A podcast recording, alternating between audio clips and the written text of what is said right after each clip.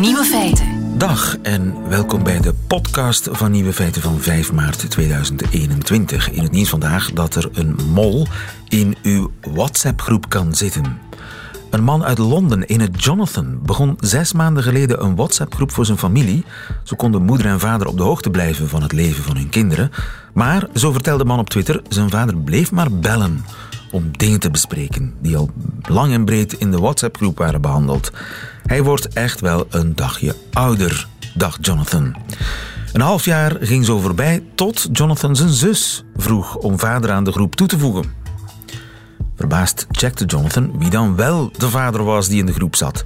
Dat bleek niet zijn echte vader te zijn, maar een loodgieter, waar hij zeven jaar geleden een beroep op heeft gedaan en die net als vader Peter heet.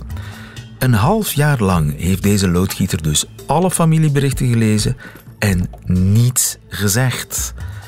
Het kan gebeuren. Check en dubbelcheck uw roddelgroepen. De andere nieuwe feiten vandaag. De Amerikaanse kieswet kan misschien dan toch gemoderniseerd worden. Zingen helpt tegen de naweeën van corona. Sander van Horen, de NOS-journalist in Brussel, voorspelt een Vlaamse stikstofcrisis. En de nieuwe feiten van Eva Moeraert hoort u in haar middagjournaal. Veel plezier. Nieuwe feiten. Corona kan lang in je lijf blijven hangen. Ex-patiënten die hebben vaak maandenlang klachten. Klachten over vermoeidheid bijvoorbeeld of kortademigheid. Maar daar heeft Marcel Swerissen wat op gevonden. Goedemiddag Marcel. Goedemiddag, fijn uh, dat u me wil hebben in de show. Zeg, uh, Marcel, jij was toch zangleraar? Ja, dat klopt. Ja, wij noemen het zangcoach. Dat is net een, verschil, want uh, we hebben ook een grote coachingsrol hier bij ons bedrijf. Zangcoach van onder meer de jongste winnaar van het Eurovisie Songfestival, Duncan Lawrence. Ja, dat klopt. Daar, uh, daar mocht ik ook meezingen in het achtergrondkoortje. Dat was, uh, dat was echt een hele mooie, mooie happening. Dat lijkt mij een roze droom die uitkomt, Marcel. Ja, dat was fantastisch. Dat vergeten we niet meer. Maar daar bel ik je niet voor, want jij helpt tegenwoordig coronapatiënten. Hoe kan dat? Ja, nou eigenlijk doen we al uh, jarenlang uh, mensen helpen met uh, ademhalingsproblemen. De mensen die hyperventileren, mensen die moeilijk in hun energie kunnen komen. En we merkten dat dat eigenlijk de, de methode die we daarvoor gebruiken ook heel veel positief effect heeft op mensen met corona. Ah, dat, dat, heb je, dat heb je zelf ontdekt? Ja, eigenlijk, we zijn met een groot bedrijf met 30 vocal coaches. En we merkten eigenlijk al snel dat, dat die mensen daar heel veel baat bij hadden, omdat ze weer terug in hun energie kwamen. Oké, dus die kwamen spontaan naar jullie toe, die uh, voormalige coronapatiënten. Nou, eerst waren het natuurlijk, uh, ja, net zoals uh, bij jullie is het bij ons hier ook uh, af en toe echt heel, heel, nou, heel erg veel coronapatiënten.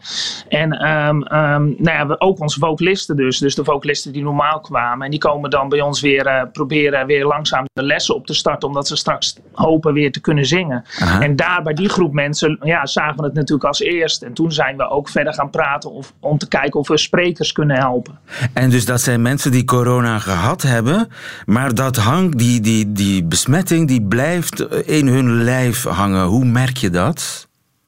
Nou, uiteindelijk merk je dat ze heel weinig um, uh, energie hebben en dat dat heel lang duurt voordat dat weer terugkomt. En um, uh, ja, dat is natuurlijk super vervelend. En, uh, maar we hebben um, wel degelijk patiënten hier gehad of, of mensen gehad die hier binnenkomen en die zeggen: Ik kwam met 20% energie binnen en ik ging er met 70% weer uit. Ja, en dat is natuurlijk echt een, een, een, een doorbraak.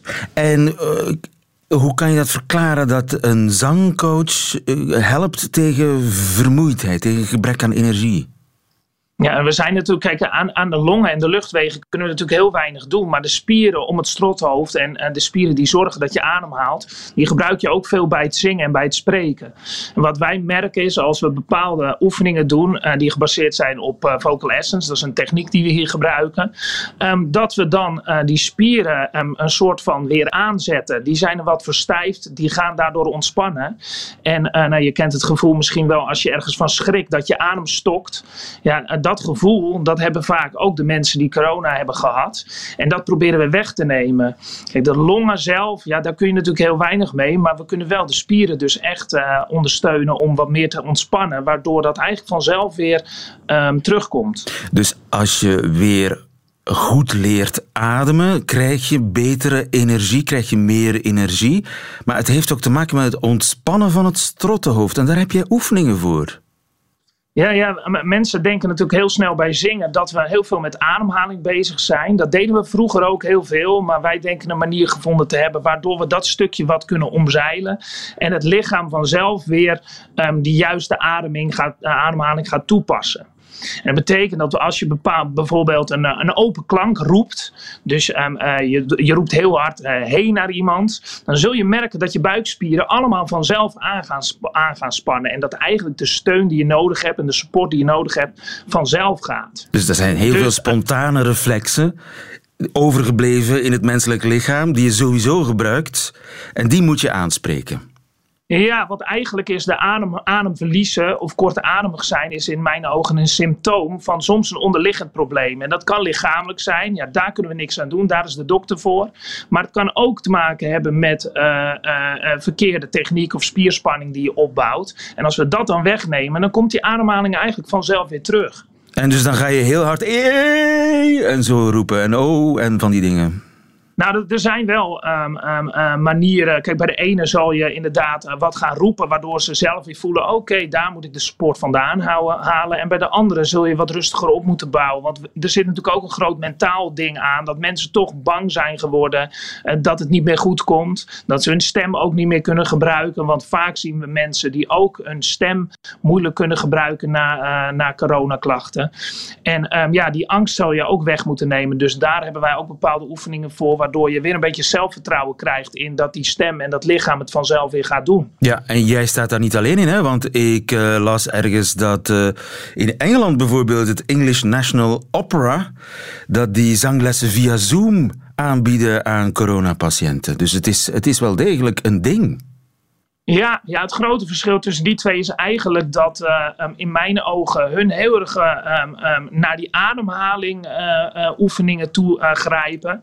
En dat ik denk dat we met ons systeem een iets snellere weg hebben gevonden, waardoor die ademhaling. Het is heel lastig als je steeds moet nadenken hoe je ademhaalt als je al moeilijk ademhaalt dat, dan wordt het steeds lastiger. Dus um, wat nou als je een, een, een, zeg maar een snellere route kunt vinden, yeah. ja, dan zul je merken dat uh, die ademhaling weer vanzelf terugkomt. En dat is toch wat je uiteindelijk weer wil. Zeg Marcel, hoe klinkt dat dan? Doe eens iets. Ja, uh, uh, hoe, hoe, bedoelt u? Zo'n oefening, hoe klinkt dat dan bijvoorbeeld? Ja, ja, nee, het zijn gewoon zangoefeningen. Of het is met een bubbelbuisje, waardoor je de spanning wegneemt. Dat is een soort um, uh, um, ja, buisje die, um, die je kunt gebruiken om de druk uh, te, ja, te vergroten, zeg maar, onder en boven je stembanden. Waardoor die stembanden gaan trillen en eigenlijk vanzelf, ja, vanzelf de spanning weer loslaten okay. rondom het strothoofd. Dus je hebt een buisje waarin je moet blazen, heel hard moet blazen. Ja. Oké. Ja, nou, het hoeft niet heel hard. Het is juist meer in de ontspanning. Oké. En um, ja, verder, verder zou het ook gewoon kunnen met uh, uh, uh, het normale hey roepen of een liedje zingen. Of um, um, kijk, iedereen kan in principe zingen, want het gaat in dit geval natuurlijk niet of het mooi is. Het gaat erom dat het doel bereikt wordt. En dat is dat mensen weer in hun eigen bewegingspatroon komen. En dat helpt tegen vermoeidheidsklachten en kortademigheid na corona. Marcel Swerissen, mag je veel succes wensen. Dankjewel. Goedemiddag. Dank u wel. Nieuwe feiten. Het einde van het gerrymanderen is misschien in zicht in Amerika. Gerrymanderen, gerrymanderen en andere trucken van de voor om eh, de kiesuitslag te beïnvloeden. Bert de Vroei, goedemiddag. Goedemiddag. Onze Amerika-kenner. Uh, deze week is er een nieuwe kieswet gestemd in het Huis van Afgevaardigden. Ja. Een wet die komaf moet maken met een heleboel grepen en knepen die partijen toepassen om verkiezingen te winnen. Zoals ja. uh, gerrymandering. Wat is gerrymandering ook alweer? Gerrymandering, uh, dat is wanneer uh, partijen proberen om kiesdistricten zo te tekenen dat ze in het voordeel zijn van de ene of de andere partij. Um, je moet uh, natuurlijk eerst voor ogen houden dat in de Verenigde Staten het kiessysteem een meerderheidssysteem is. Dat betekent dat elk kiesdistrict, als het over het congres gaat, het parlement, het Huis van Afgevaardigden, elk kiesdistrict levert maar één verkozene op. Het is alles of niks. Het is Ook daarin de winner takes all, uh, zoals bij de presidentsverkiezingen. Uh, en dat betekent dus dat elk kiesdistrict ja, ofwel een republikeinse meerderheid ofwel een democratische meerderheid heeft. En dat gerrymandering is eigenlijk, ja, laten we het maar een koehandel noemen, die om de tien jaar na de volkstelling op basis van de gegevens van de volkstelling opnieuw, die je opnieuw ziet gebeuren, waarbij districten hertekend worden en waarbij dan de ene partij, de andere partij, ja, het gunt om in een district altijd een stevige meerderheid te kunnen betoneren. Ja, het hertekenen van de kiesdistricten in functie van uh, de bewoners en van de gewenste uitslag. Nu, eh, er zijn nog trucken, hè? Regels die ervoor moeten zorgen dat bepaalde mensen niet gaan stemmen, bijvoorbeeld. Dat gebeurt ook vaak, hè? Ja, en dat is natuurlijk iets wat, uh, wat we hebben gezien de voorbije jaren. En ja, zelfs meer bepaald nog de voorbije weken zijn er heel veel wetsvoorstellen ingediend. En dan vooral toch van republikeinse kant. In uh, parlementen waar de republikeinen, staatsparlementen dan bedoel ik, uh, lokale parlementen in de staten waar de republikeinen een meerderheid hebben. Zeg maar om de drempels om te gaan kiezen te verhogen. Want we hebben gezien bij de presidentsverkiezingen in november en ook bij die belangrijke senaatsverkiezingen, weet nog, in Georgia, uh, begin januari, waar twee uh, senaatzetels tot, tot verder verrassing naar de Democraten zijn gegaan, terwijl Georgia traditioneel een republikeinse staat is. We hebben gezien dat er daar heel wat discussies waren over of het niet te gemakkelijk is gemaakt met poststemmen en zo, en of daar geen vervalsingen mogelijk waren. Dat hebben de Republikeinen aangeklaagd. Van hun kant hebben de Democraten gezegd dat het bijvoorbeeld in zwarte buurten, waar zij de meeste stemmen halen, veel moeilijker was om early voting te doen, dus voor de verkiezingsdag te gaan stemmen, omdat de wachtrijen daar veel langer waren dan bij blanke, dan in uh, blanke witte buurten. Dus dat soort discussies over de ja. drempels die er zijn. Het zou moeilijk mogelijk maken voor de kiezers van ja. je tegenstander om te gaan stemmen. Dat ja, maar in de, in de praktijk is het zo dat hoe makkelijker je het maakt in het algemeen in de Verenigde Staten om te gaan kiezen, hoe minder drempels, hoe meer dat in het voordeel speelt van de Democraten.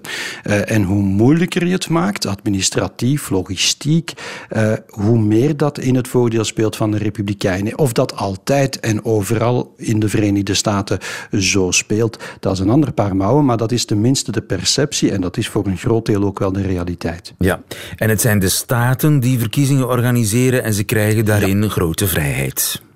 Ja, tot nu toe krijgen ze een grote vrijheid. Maar wat inderdaad nu uh, gestemd is in het Huis van Afgevaardigden, is een, uh, een wet. Die moet nog naar de Senaat, maar in het Huis is die goedgekeurd met een uh, krappe meerderheid volgens de partijlijnen. Een wet waardoor de federale overheid, zeg maar, ja, de parameters, de regels voor die verkiezingen toch meer gaat opleggen. en waar de staten dan rekening mee moeten houden. En vooral in die zin dat ze minder drempels kunnen opgooien, dat ze het makkelijker moeten maken om te stemmen. Maar dan zeggen de Republikeinen, ja, maar dat werkt in het voordeel van de Democraten. Dat zullen ze niet altijd zeggen. Ze zullen ook zeggen, ja, maar we moeten uh, toch zien dat er geen vervalsingen mogelijk zijn en zo bij dat uh, stemmen met ja. de post. Maar eigenlijk gaat het daarover, zij zien een voordeel voor de Democraten. Nogmaals, hoe makkelijker het wordt om te gaan stemmen, hoe meer dat in het voordeel speelt ja. van de Democraten. Het klinkt althans heel logisch en fair. Hè? Als je zegt, we gaan, de, we gaan de democratie versterken, we gaan ervoor zorgen dat mensen kunnen gaan stemmen. En we gaan de kieswet stroomlijnen, hè, zodanig dat niet elke staat het op een andere manier kan doen en elke Amerikaan gelijk is voor de wet, zeg maar. Klinkt logisch en fair. En toch hebben de Republikeinen een argument gevonden om dat tegen te gaan, om daar tegen te zijn. Wel, er zijn eigenlijk uh, er zijn verschillende argumenten, maar een, een, een ideologisch, uh, of je zou zelfs kunnen zeggen grondwettelijk filosofisch argument is dat het uh, de federale overheid niet toekomt om dat te doen, omdat dat precies tot de autonomie van de staten behoort.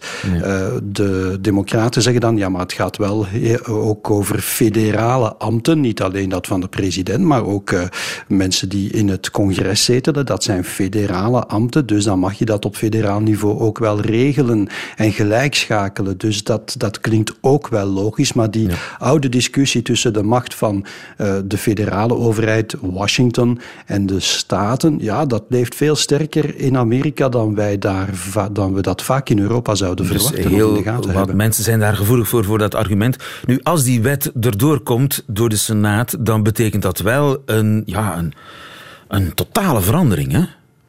Ja, Politiek. En, uh, Ja, absoluut. En het, ja, velen gaan er ook vanuit dat als je als je stemplicht zou hebben in de Verenigde Staten, dat de Democraten voor heel lang gebeiteld zitten, dat ze altijd zouden winnen als je, als je het zou verplichten. Want dan zouden heel veel mensen die nu niet gaan stemmen. Want dat is toch niet aan de orde, hè, voor alle duidelijkheid? Maar dat is absoluut niet aan de orde. Nee, nee, dat is niet aan de orde. Maar goed, het gaat wel in de richting van een, van een, ja, een grotere opkomst mogelijk maken. En dus het gaat er dichter naartoe.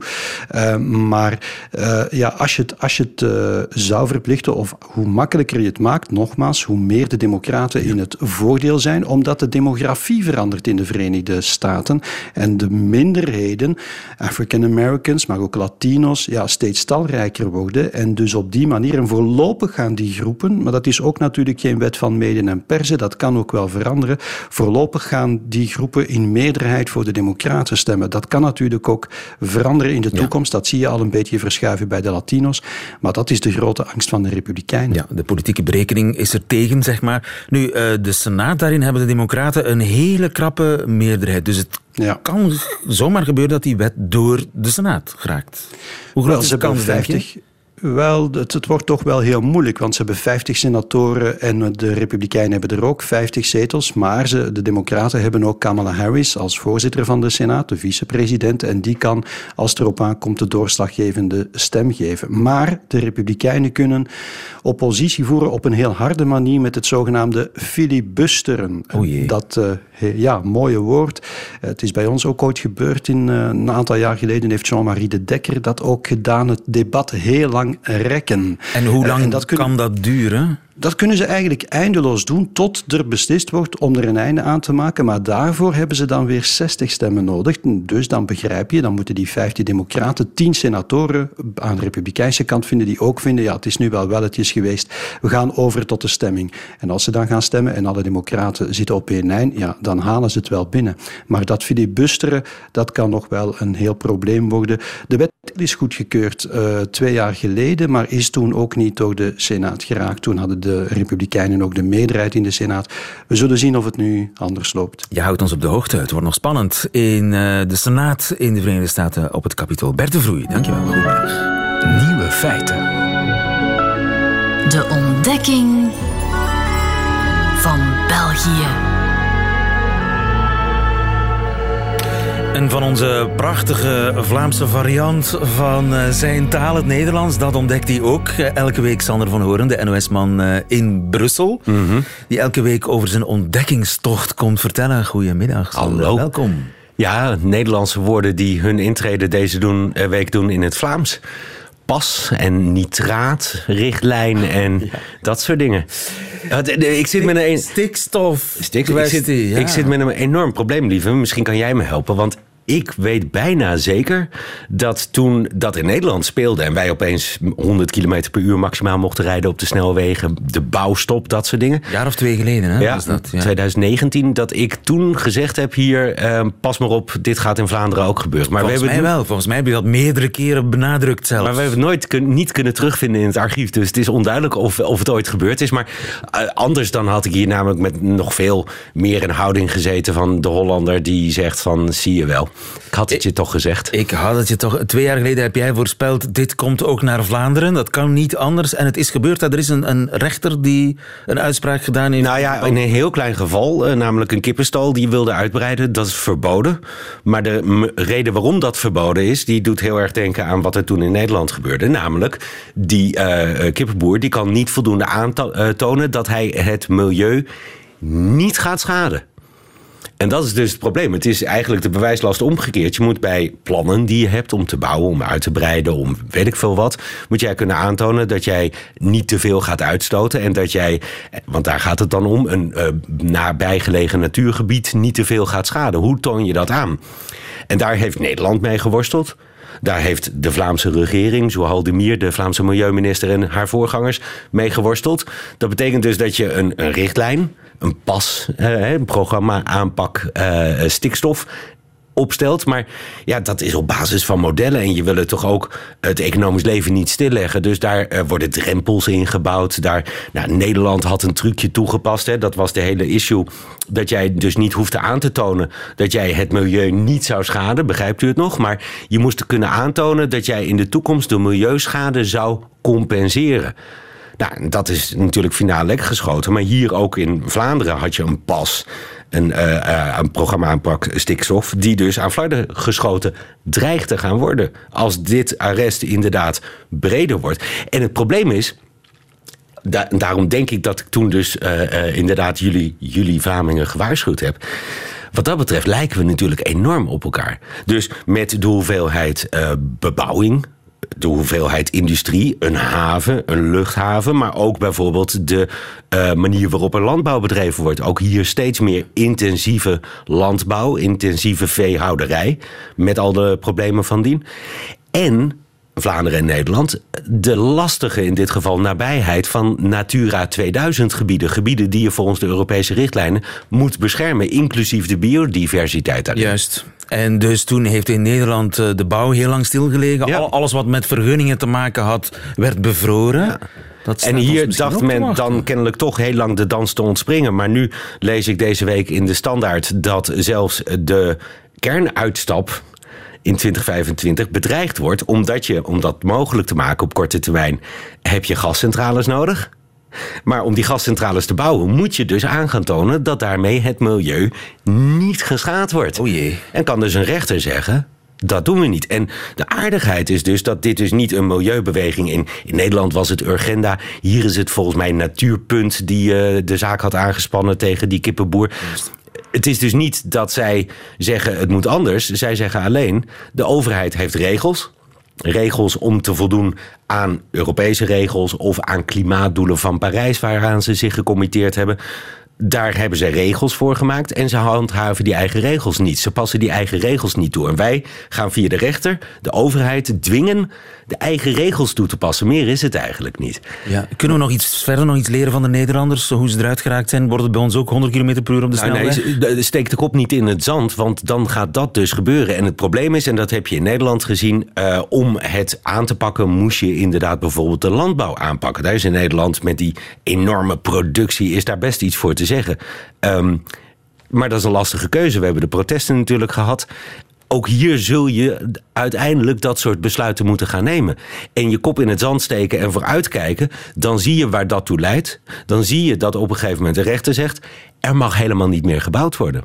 Dan zie je dat uiteindelijk een kabinet schoorvoetend op zijn ruttes moet zeggen van we vinden het niet leuk, maar 100 is de regel nu op dit moment ja. Eh, op de Nederlandse snelwegen. Wil je niet op dat punt komen, zoals Haldimir en uh, alle anderen neem het dan nu serieus. Dus afspraak over een jaartje ongeveer. Dan gaan we dit, dit gesprek heruitzenden. Kijken of er dan of... geleerd is van het Nederlandse stikstofdebakel.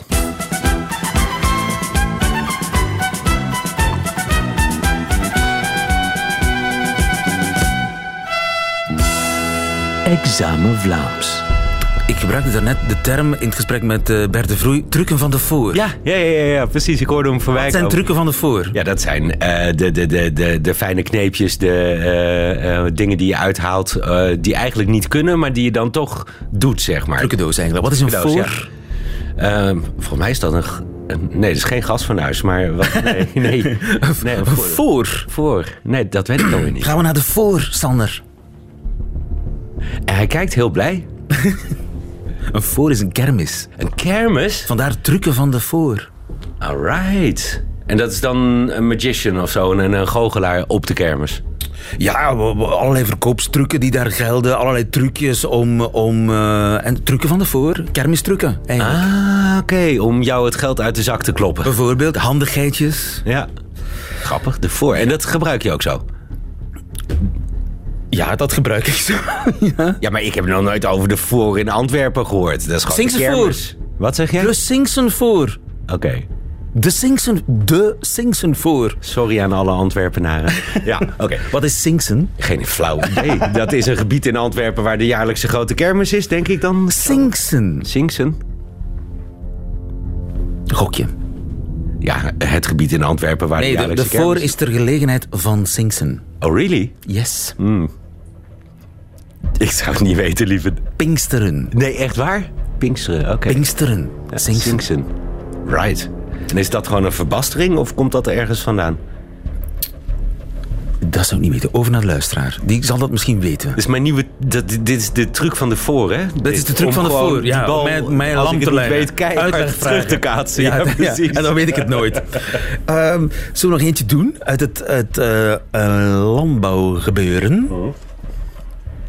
Wat is een riek? Ja, dat is een. eh, een, een, een eh, niet een schop, maar een. een, een eh, drietand met punten. Een hooivork. Een hooivork, dankjewel. Inderdaad, zeg. Maar dat is hier ook in het Nederlands, dus dat scheelt. Oké, het klinkt zo Vlaams. Met een riek. Ja. Nee, nee, dat is ook echt heel Nederlands. Oké. Ouderwets Nederlands, wellicht, maar het is Wij, wij, Nederlands. wij, wij vinden ons. Zeker. Op het einde van deze, eh, dit examen Vlaams tot volgende week. We moeten helaas eh, nog even door, want het is nog niet helemaal Het is af, niet perfect. Je, je ver- verbelging. Nieuwe feiten. In Berlijn zijn zo pas de prijzen op de Berlinale uitgereikt, het filmfestival. Okay, the big moment has come. Our golden bear goes to Bad Luck Banging or Looney Porn by Rado Jude, produced by Ada Salomon. Congratulations from all of us. Congratulations. Congratulations. Ja, dan zou er normaal gezien een groot applaus moeten komen, maar dat was er niet. Lieve trio, goedemiddag. Dag lieven, dat applaus dat komt nog, maar wel pas over een paar maanden. Over een paar maanden gaan ze het nog eens opnieuw doen met applaus. Ja, inderdaad. Want- Want het was een online filmfestival dit jaar, hè? Ja, zo is het inderdaad. Dus eh, ze hebben door de coronapandemie uiteraard eh, ervoor gekozen om, hè, want normaal vindt dat plaats in februari, dat festival. Eh, ze hebben gekozen om niet te annuleren of, te, of uit te stellen naar de zomer. Ehm, maar inderdaad nu al een online editie te organiseren. Dus iedereen kon alles van thuis uit volgen, de films gewoon op zijn computer zien. En dan in de zomer, of in juni, wordt er nog een soort tweede luik aan het festival gebreid, waar dan ook het publiek hopelijk weer in de zalen zal kunnen komen kijken naar die films uit die selectie. Ehm, en waar dus de winnaars ook hun prijzen fysiek in ontvangst zullen kunnen Oh ja. eh, nemen. Grappig. Nu, die winnaar, dat is een Roemeen, Radu Jude. En Ja. die heeft een film gemaakt die heet Bad Luck Banging or Looney Porn. Echt, catchy titel is niet zijn ding, geloof ik, hè? Nee, en, en je hoort ook eh, aan, aan de woorden in de titel toch wel dat het een zeer speciale film is met eh, nogal seksuele inhoud. En dat is ook, het is eh, denk ik de meest wilde of meest provocerende film van deze Berlinale. Ehm, het gaat over een, een lerares die in opspraak komt nadat er een sekstape van haar lekt. En de, de film begint ook echt door die expliciete sekstape vol in beeld te tonen.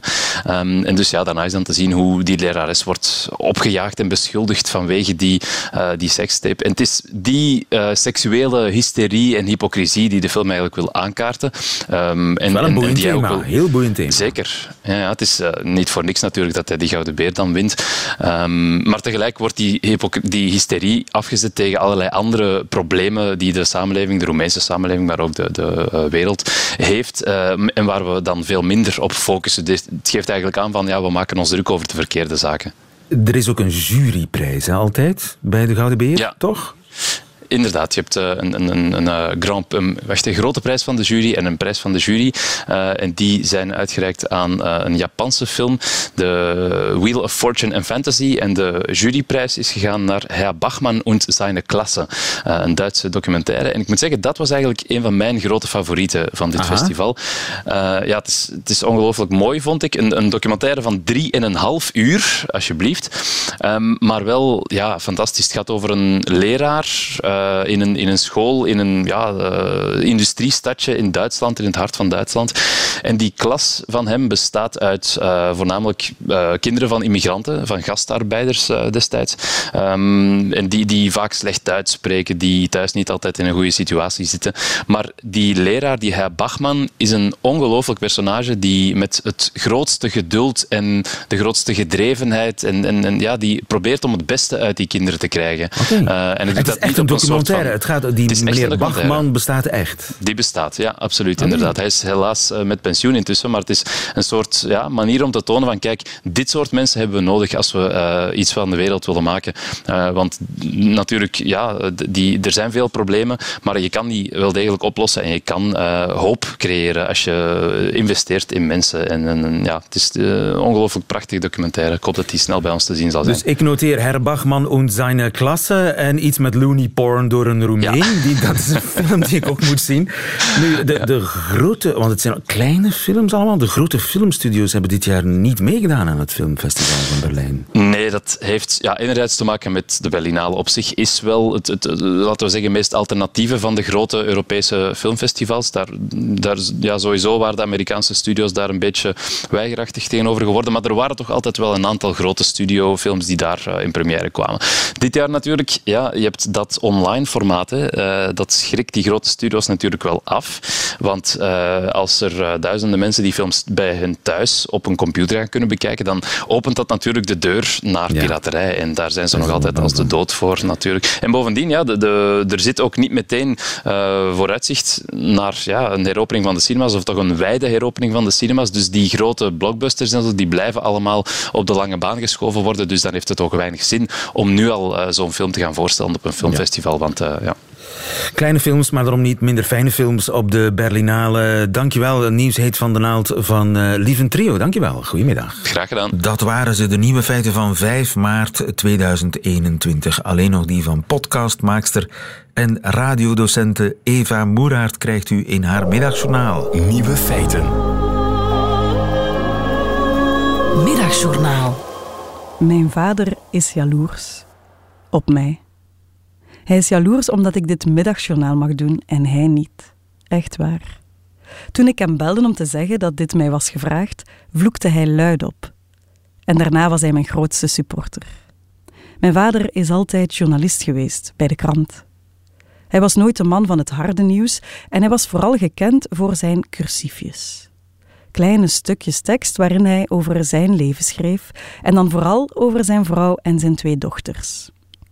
Als klein meisje was ik daar super fier op, want ik stond in de krant. Als puber vervloekte ik hem vaak, want waarom wist die leraar Latijn dat ik voor de eerste keer bij mijn lief was blijven slapen? Als volwassene knipte ik zijn cursiefjes uit om in de albums van mijn pasgeborene te plakken. De vlekken van de tranen er nog op. Op restaurant gaan met papa was altijd een avontuur, want hij stond ook met zijn foto in de krant met een glas witte wijn in de hand. En hij werd dus altijd en overal herkend. Tot in Frankrijk of Spanje spraken mensen hem aan over zijn cursiefjes en over ons dus. Toen ik ging studeren op het Rits en later ging werken bij productiehuizen en omroepen, was ik altijd de dochter van. Iedereen was al wel eens met mijn vader op persreis geweest of op een wild journalistenfeest. Het opende soms deuren, dat moet ik eerlijk toegeven. Het was fijn en comfortabel om de dochter van mijn vader te zijn. Hij is dan ook altijd de eerste geweest die ik bel als ik ergens mag solliciteren of als ik twijfels heb over een nieuw project of ideeën voor een nieuwe podcast. Ik heb zijn zegen precies nog altijd nodig, ook al ben ik al de veertig gepasseerd. Maar plots kantelt alles. En was het nu door het telefoontje van de redactie van dit programma of al ervoor? Maar plots ben ik het die aangesproken wordt op mijn werk. En ben ik het die nieuwe kansen krijgt. En is hij op pensioen. Zijn letters zijn op, zei hij tegen mij. Dus is hij mijn grootste supporter. En is hij ook nu en dan jaloers. Het is vreemd om te voelen dat je nu de plaats inneemt die je ouders altijd hadden. Maar dat is ook volwassen worden, zeker? Deze week kreeg ik veel reacties op dit middagjournaal. En mijn papa ook, hoorde ik. En zag ik ook op zijn sociale media. Want hij deelde elke dag met fierheid mijn middagjournaals. En ja, hij moet er zich maar bij neerleggen. Opeens ben ik niet meer de dochter van mijn vader, maar is mijn papa de vader van zijn dochter geworden.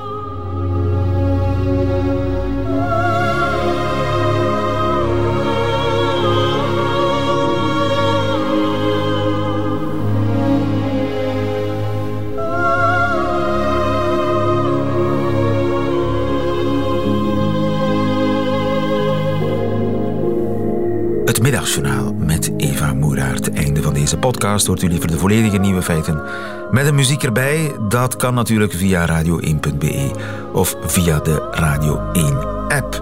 Tot een volgende keer.